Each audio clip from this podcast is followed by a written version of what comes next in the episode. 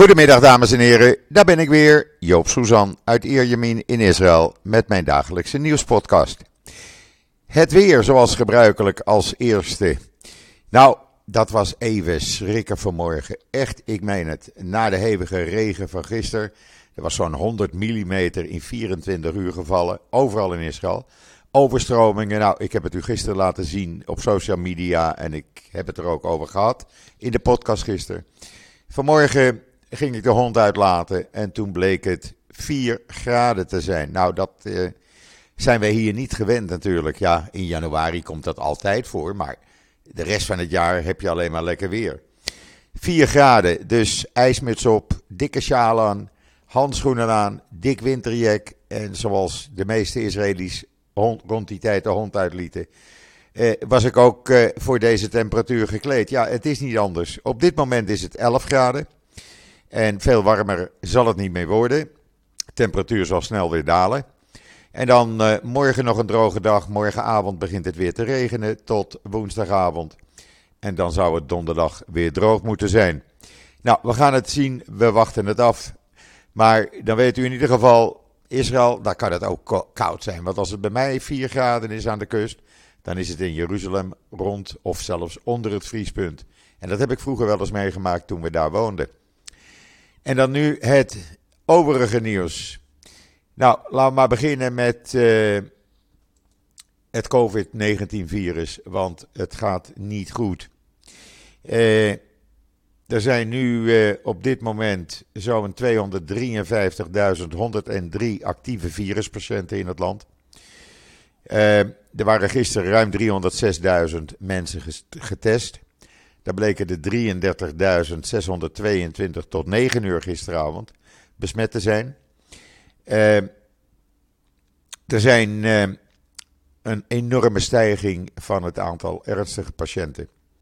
Want waar dat op zaterdag nog 386 waren, zijn dat er nu al 446. Er komen er gewoon 50, 60 elke dag bij.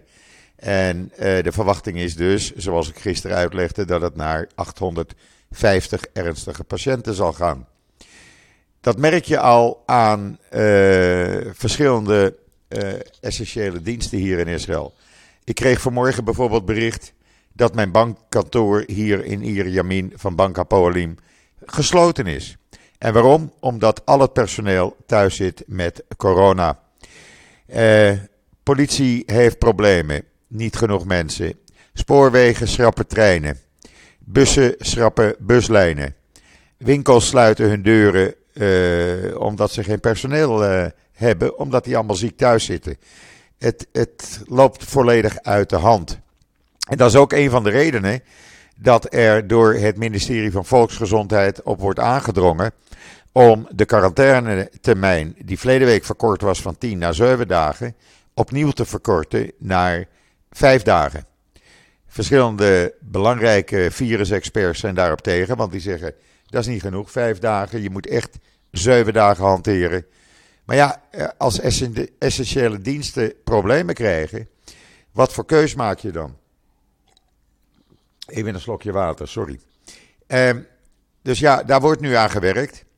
Um, het is ook al zo dat men heeft bepaald dat mensen die drie keer zijn gevaccineerd en met iemand in aanraking zijn geweest die uh, besmet is met corona, die moeten even een testje doen, maar hoeven niet in quarantaine. Allemaal om het personeelstekort uh, tegen te werken. Ja, hoe dat de komende dagen gaat. De komende twee weken worden spannend in Israël. En uh, het zou zomaar kunnen dat ja, men, men tot andere besluiten komt. Ondertussen zitten er zo'n 200.000 mensen in quarantaine vanwege hun uh, schoolkinderen die of besmet zijn of in quarantaine moeten omdat ze uh, met een klasgenootje in aanraking zijn geweest die ook besmet is. Er zitten zo'n uh, eh, 17.000 onderwijzers in quarantaine. Dus 200.000 schoolkinderen en dat blijft stijgen. Dus je praat op dit moment in Israël over een kleine half miljoen mensen die gedwongen uh, thuis zitten. En dat is veel. En dat is nog steeds op de snelwegen te zien. Verkeer is met 40% afgenomen in de spits. Ehm, de treinen en bussen die er dan nog rijden, die zijn uh, ja, niet leeg, maar uh, half vol, laten we het zo maar zeggen. Dus ja, we merken het hier in Israël en hopelijk uh, gaat dat over twee weken weer de goede kant op. Dan heeft uh, premier Bennett gisteravond laat gesproken met de rabbijn van de synagoge in Colleyville in Texas, waar die gijzeling plaatsvond.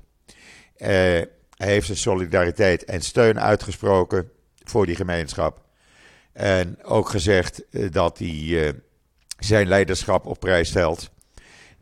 dat het een voorbeeld is voor iedereen en dat de hele gemeenschap in Israël, iedereen meeleefde en blij was toen s morgens, zondagmorgen, het bericht kwam dat de gijzeling goed was afgelopen. Hij heeft ook gesproken, Bennett, met de gouverneur van de staat Texas, meneer Greg Abbott. En hem uh, bedankt voor uh, de wijze waarop de FBI en politie deze zaak hebben behandeld. Ondertussen is dan bekend geworden, eindelijk na een hele dag, wie degene was die dus daar die gijzeling uitvoerde. Dat bleek dus een Engelsman te zijn geweest. Met de naam Mark Faisal Akram. Die is naar Texas gevlogen en die heeft daar die gijzeling uitgevoerd. De Engelse politie heeft gisteravond twee teenagers in het zuiden van Manchester opgepakt omdat die mogelijk te maken hebben, zouden hebben met deze gijzelnemer. Dus ja, er zijn nogal wat raadsels en uh, we, zijn er, uh, we zijn er nog niet helemaal achter wat er nou precies aan de hand is. Want ook de verhalen uit Amerika, uh, ja, er is niet veel informatie. de FBI zegt, hij was alleen maar gefocust, dus die gijzelnemer, op die synagoge. President Biden zegt hij heeft meerdere agenda's gehad. Antisemitisme, de een zegt van wel, de ander zegt van niet. Niemand die eigenlijk weet wat daar nou precies aan de hand is geweest en wat nou de reden was om deze gijzeling uit te voeren. Hopelijk komt daar toch op een gegeven ogenblik een antwoord op, want er zijn zoveel vragen die nog open zijn. En iedereen wil toch wel weten hoe dat nou precies zit. En dan ter gelegenheid van uh, dat is het vandaag, het feest van de bomen, uh, heb ik van KKL JNF een, een fotoserie gekregen die we geplaatst hebben op israelnieuws.nl, waarbij allerlei bekende Israëlische politici, Ben Gurion, Simon Peres en vele andere bomen planten. Maar er is ook een unieke foto van koningin Juliana die in 1960 een boom uh, plantte in het Koningin Juliana Woud in Israël. Kijk dat even na op israelnieuws.nl, want het zijn unieke foto's. En dan waren Israëlische bedrijven heel succesvol op de Consumer Electronics Show in Las Vegas, die elk jaar daar wordt uh, gehouden. Uh, een groot aantal bedrijven is heel succesvol geweest, heeft contracten afgesloten u kunt het allemaal lezen in Israël Nieuws. En dan, uh, ja, het belangrijkste nieuws hier in Israël is eigenlijk: komt er nou wel of geen deal met Netanyahu en de justitie? Nou, ik heb uh, een artikeltje op Israël Nieuws gezet naar aanleiding van nieuwsuitzendingen gisteravond. Daar zie je de hele familie Netanyahu. De vrouw en twee kinderen waren er ook bij, dit zijn twee zoons bij uh, de advocaat zitten thuis in Ranana, de familieadvocaat. Maar er waren ook uh, andere advocaten bij, twee andere, Yossi Cohen en Amit Gadat.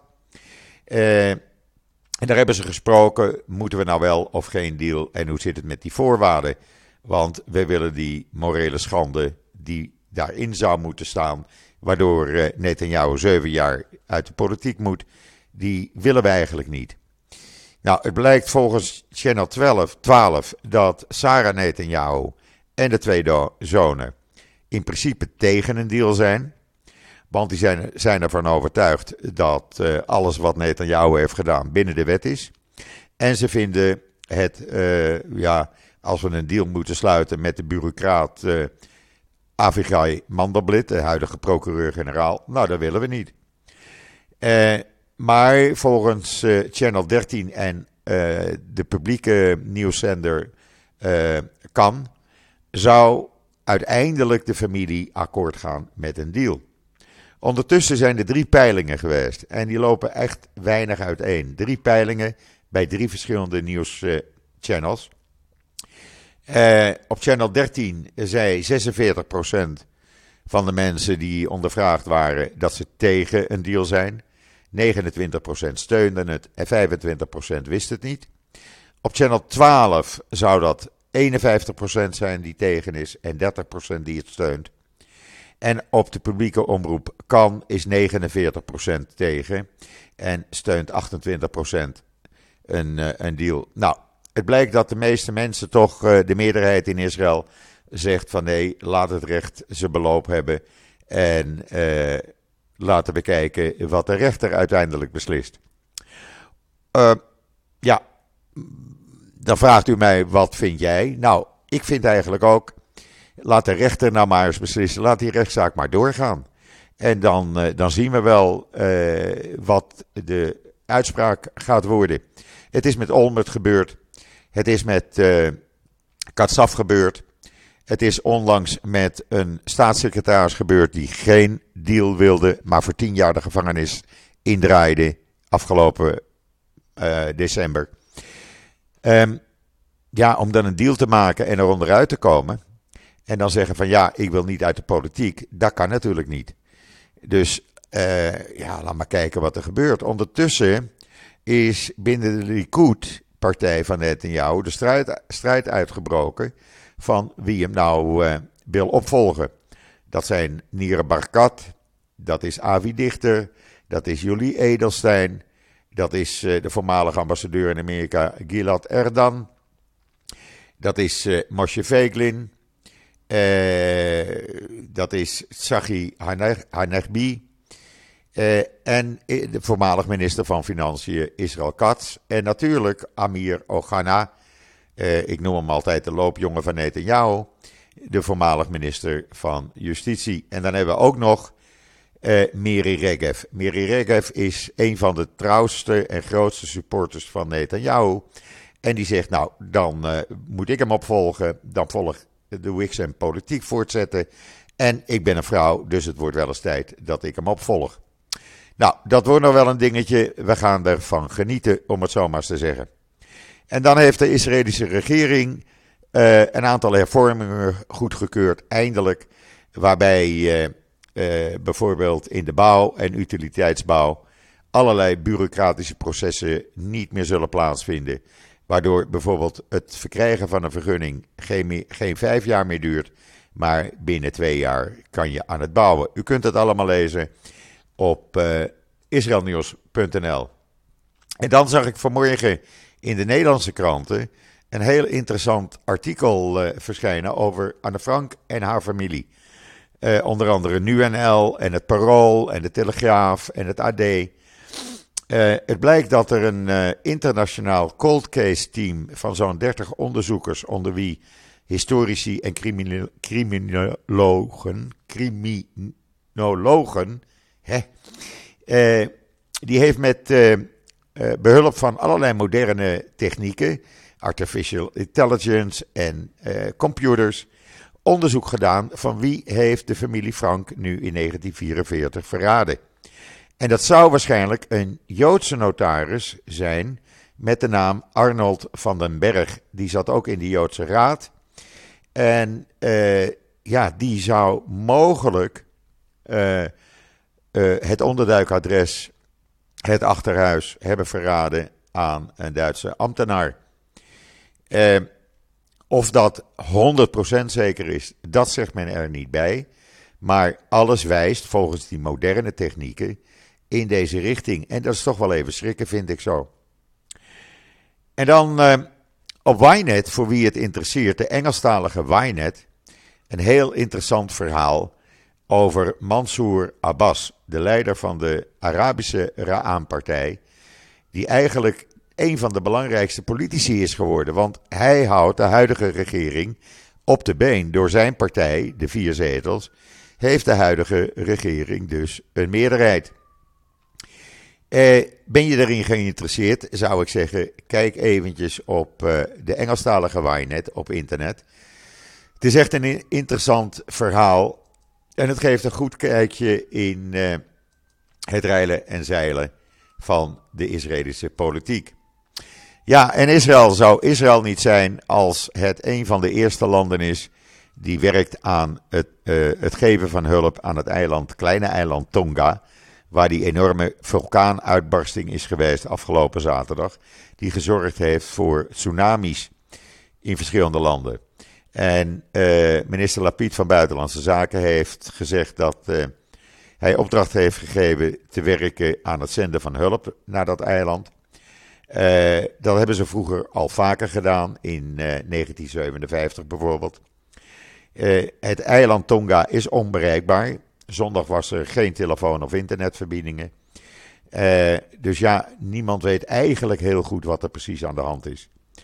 Ehm, maar mooi dat Israël dan weer een van de eerste is die daar uh, mee bezig is.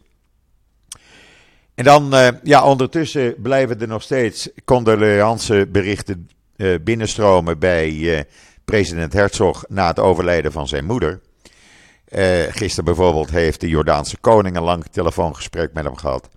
Maar ik mis nog steeds de, de naam Nederland in de lijstjes die ik van het Government Press Office dagelijks doorkrijg.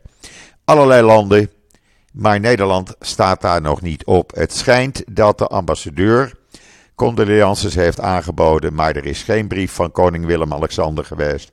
Uh, geen telefoontje van Mark Rutte, geen e-mail van Mark Rutte. Nee, helemaal niets, nada, nothing. Ik vind dat toch wel een klein uh, schandaaltje. Mag ik dat zo zeggen? En dan eindelijk, ja, het aantal elektrische auto's dat uh, uh, neemt hier een enorme sprong de laatste half jaar. En er zijn er duizenden, duizenden verkocht.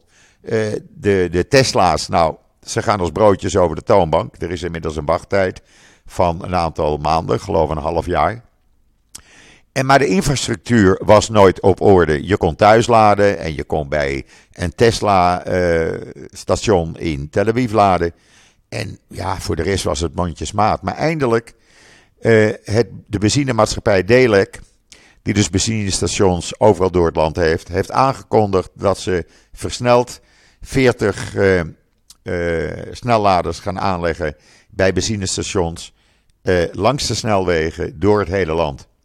En uh, ja, dat, dat wordt eens een keer tijd, laat ik het dan zomaar zeggen. Uh, ze kunnen die snelstations tot 70% opladen in 15 minuten. Met een snelheid van 150 kW. Dus hopelijk, hopelijk gaat dat snel gebeuren. De apparatuur die ze gebruiken komt bij Siemens vandaan uit Duitsland. Dus dat is vertrouwd. En dan kan je met je elektrische auto uh, gewoon door blijven rijden. En dan een mooi bericht. Het maakt allemaal deel uit van de normalisatie, zullen we maar zeggen. Maar de enige Joodse begraafplaats in de Golfstaten, die wordt op dit moment gerenoveerd door instellingen uit Bahrein. Uh, en ook door de Joodse gemeenschap in de Emiraten. Die enige Joodse begraafplaats die, uh, is gelegen in Bahrein, in de hoofdstad Manama. En uh, het is vandaag van start gegaan vanwege Toebishwat. Dat begon dus gisteravond. En uh, de laatste persoon die trouwens op dat Joodse kerkhof was begraven, of werd begraven, was een zakenman, meneer Rubin Rubin. Die werd in 2016 daar begraven. Hij was toen 61 jaar, volgens de Portugees-Israëlitische rituelen. Het grootste deel van de Joodse gemeenschap in Bahrein kwam aan het einde van de 18e eeuw uit Irak en Iran. En de meeste woonden in de wijk Al-Hatab in het centrum van Manama. Heel interessant, want ik wist dit niet. En ik denk dat velen van jullie dat ook niet wisten. Maar het is mooi dat het gebeurt. Het is mooi dat uh, ja, normaal ook heel normaal kan zijn, laten we het zo maar zeggen. Uh, en dan uh, het museum, het Museum van Tolerantie in Jeruzalem. Dat wordt ja, voor een enorm bedrag verbouwd, gebouwd, bijgebouwd. En dat gaat in 2023 open. Dus als u dan naar Israël komt, zet het op, op het lijstje om te bezoeken. En daar komt een, uh, ja, een moderne vorm van de tent van Abraham. Zoals het uh, eh, 4000 jaar geleden ook gasvrijheid biedt, gaat deze moderne vorm ook gasvrijheid bieden aan alle bezoekers. er komt ook een aquaduct met een kanaal. nou ja, er komt van alles eigenlijk. En dat wordt heel, heel bijzonder. Een voorproefje daarvan kan je nou lezen op uh, israelnieuws.nl. Op, uh, sorry, ik heb het nog niet gepubliceerd, ik ga het wel doen. Staat op Jeruzalem Post, neemt u me niet kwalijk. Het museum, uh, ja, dat is al 21 jaar in ontwikkeling en dat kost al ruim 250 miljoen dollar. Maar dan heb je ook wat, natuurlijk. Zet het op het lijstje om volgende, volgend jaar te gaan bezoeken. Trouwens, ik denk dat tegen het voorjaar iedereen weer uh, normaal, tussen aanhalingstekens, Israël in zal uh, kunnen. Als er niets noemenswaardig met het coronavirus gaat gebeuren natuurlijk. Want ja, alles is op dit moment een beetje onzeker. en niemand weet eigenlijk welke kant het nou opgaat. Alle experts, nogmaals, ik heb het gisteren gezegd, zeggen over twee weken zien we een afname, zoals dat nu ook in Engeland aan de gang is. We gaan het meemaken. Hopelijk uh, krijgen we dan even een normale situatie. Maar ja, alles is gewoon onzeker. Als ik uh, kennissen bel, dan zeggen ze: Joop, sorry, ik ben thuis, ik lig of ik zit thuis, ik ben in quarantaine of een van mijn kinderen zit in quarantaine. En ja, dat hoor ik steeds vaker, helaas. Maar laten we ervan uitgaan, laten we nou eens positief zijn en denken van nou, voorjaar, dat is weer een mooie tijd om Israël te bezoeken. Uh, ik zou dat uh, zeker even vast gaan plannen. Je hoeft nog geen tickets te boeken, maar zet het gewoon op de planning. Want er is zoveel te zien, mensen. Het is, het is prachtig. Je kan de woestijn in, je kan de Golan in, je kan de grote steden in, je kan naar de opgravingen toe. Je kan de Bijbel in de hand nemen en gewoon met de Bijbel als zeg maar gids alle heilige plaatsen langs gaan. Het is uh, onnoemelijk veel wat hier te zien is. Binnenkort bijvoorbeeld gaan de rode anemonen weer in bloei staan. En dan gaat Joop en de familie weer een dagje naar de Negev om uh, alle rode anemonenvelden te zien. Want ja, elk jaar zien we dat, normaal gesproken. Eh, verleden jaar niet vanwege de corona. Maar dit jaar hebben we toch allemaal gezegd met z'n allen, jongens, we gaan er gewoon naartoe. Eh, half februari. En dan eh, gaan we daar weer van genieten. En dat is altijd een bijzonder natuurverschijnsel, om het zomaar eens even te noemen. Eh, ja, het was zomaar een dingetje wat ik even kwijt wou eigenlijk. Dit brengt mij eh, trouwens bij het einde van deze podcast. De temperatuur is inmiddels gedaald naar 10 graden buiten. Het zonnetje schijnt nog wel. Maar ja, die gaat al snel onder natuurlijk. Uh, het is wel iets langer licht. Dat moet ik wel zeggen. Zo tegen vijf hoeven we nou pas het licht aan te doen. Dus dat valt best mee. Langzaam komt het voorjaar er echt wel aan. Brengt mij tot het einde van deze podcast nogmaals. Iedereen een hele fijne voortzetting van deze maandag, de 17e januari alweer. Ik ben er morgen weer en zeg zoals altijd: tot ziens, tot morgen.